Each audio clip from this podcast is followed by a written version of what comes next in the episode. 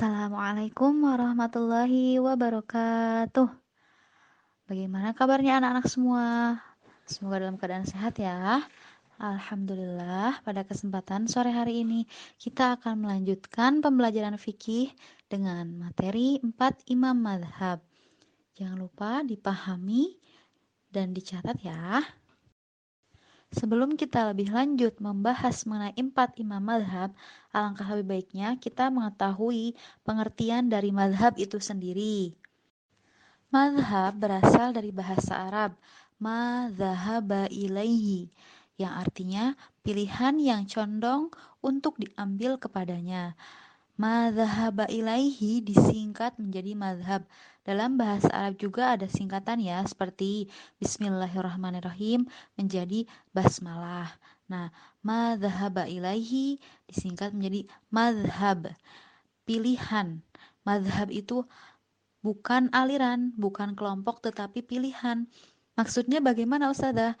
Untuk kita lebih paham, Ustazah akan menjelaskan dulu berawal dari manhaj.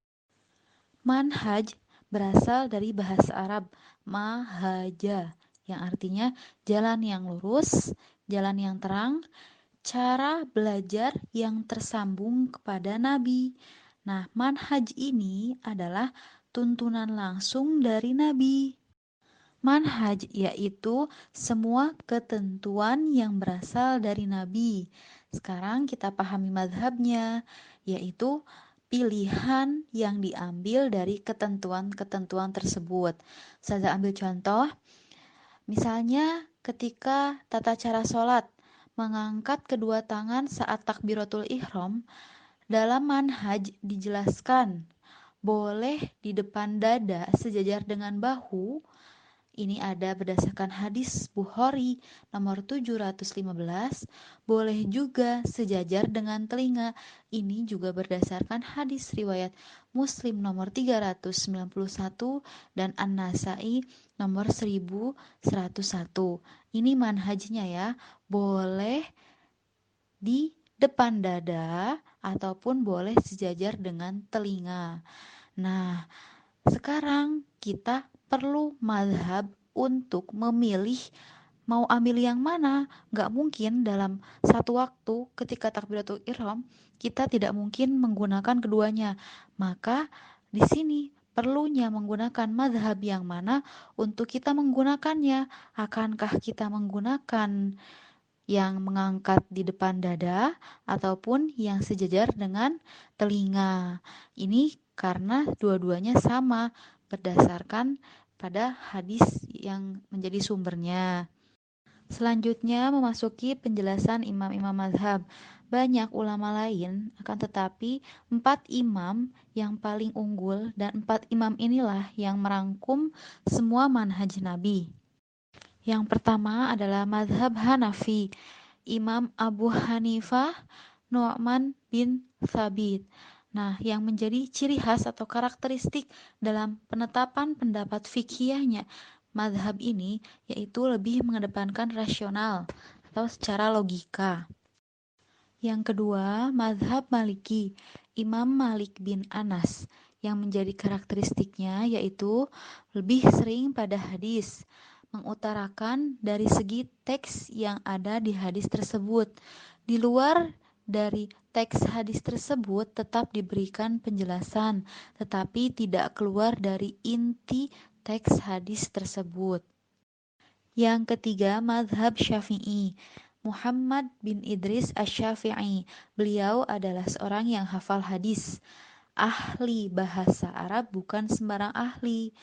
Imam Syafi'i juga adalah satu-satunya di antara empat imam yang memiliki diwan yaitu kumpulan puisi-puisi berbahasa Arab yang berupa nasihat-nasihat. Yang menjadi karakteristiknya yaitu ahli kias atau analogi perumpamaan. Jadi cara mengambil fikihnya itu dengan mengumpamakan dan prinsip fikihnya selalu mencari peluang mana yang pahalanya lebih banyak. Yang keempat, madhab hambali.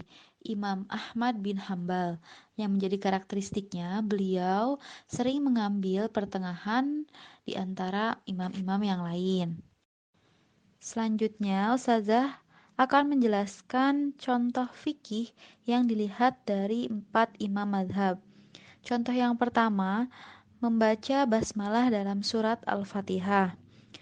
Menurut madhab Hanafi, tidak membaca basmalah dalam surat Al-Fatihah ini. Menurut madhab Syafi'i, basmalah dibaca secara jahar, secara jelas. Karena kembali ke prinsip tadi, bahwa prinsip fikih Syafi'i selalu mencari peluang mana yang lebih banyak pahalanya. Menurut Imam Syafi'i, jika basmalah ini dibaca, maka mengambil dari satu huruf yang dibaca akan membawa 10 kebaikan. Selanjutnya, madhab maliki basmalah dibaca sir atau secara pelan-pelan dan hambali yang mengambil tengah-tengah di antara imam madhab yang lain yaitu membaca secara sir juga. Contoh yang kedua, membaca kunut dalam sholat. Menurut madhab Hanafi, tidak ada membaca kunut. Menurut madhab Imam Syafi'i, kunut dibaca. Menurut madhab Maliki, kunut termasuk amalan yang mustahab, yaitu yang dianjurkan, tetapi Nabi tidak mengamalkannya secara terus-menerus. Selanjutnya, menurut madhab Hambali, kunut hanya kunut nazilah, yaitu saat adanya peristiwa-peristiwa tertentu. Poin berikutnya, bolehkah kita mencampurkan beberapa madhab dalam hal ini, fikih menyebutnya dengan istilah talfik, yaitu mencampur adukan beberapa madhab. Jawabannya yaitu boleh, tetapi hanya dalam kondisi-kondisi tertentu. Tidak bertujuan misalnya hanya untuk mengambil yang ringan dan cepat saja dalam melaksanakan ibadah. Lalu bagaimana selanjutnya? Maka kita bisa tarjih yaitu melakukan dengan cara meneliti terlebih dahulu lalu mengambil mana pendapat yang paling kuat untuk kita amalkan. Pertanyaan selanjutnya, mengapa ya ada perbedaan-perbedaan atau yang disebut dengan ikhtilaf? Hal ini terjadi karena pilihan-pilihan yang disampaikan oleh Nabi terkadang ada ilatnya, Maksudnya, ketika diturunkan berdasarkan situasi dan kondisi tersebut. Misal, saat keadaan darurat, boleh demikian, boleh demikian. Saat keadaan sakit, saat keadaan safar, dan lain sebagainya. Maka terjadi perbedaan-perbedaan. Yang terakhir, apa hikmah adanya perbedaan tersebut, atau mengapa ada tuntunan lebih dari satu?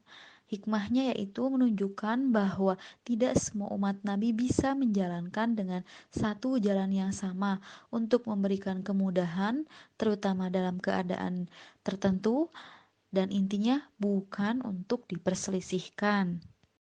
Cukup sekian materi yang dapat saya sampaikan. Semuanya harap dipahami ya. Jika ada yang belum paham, silahkan ditanyakan.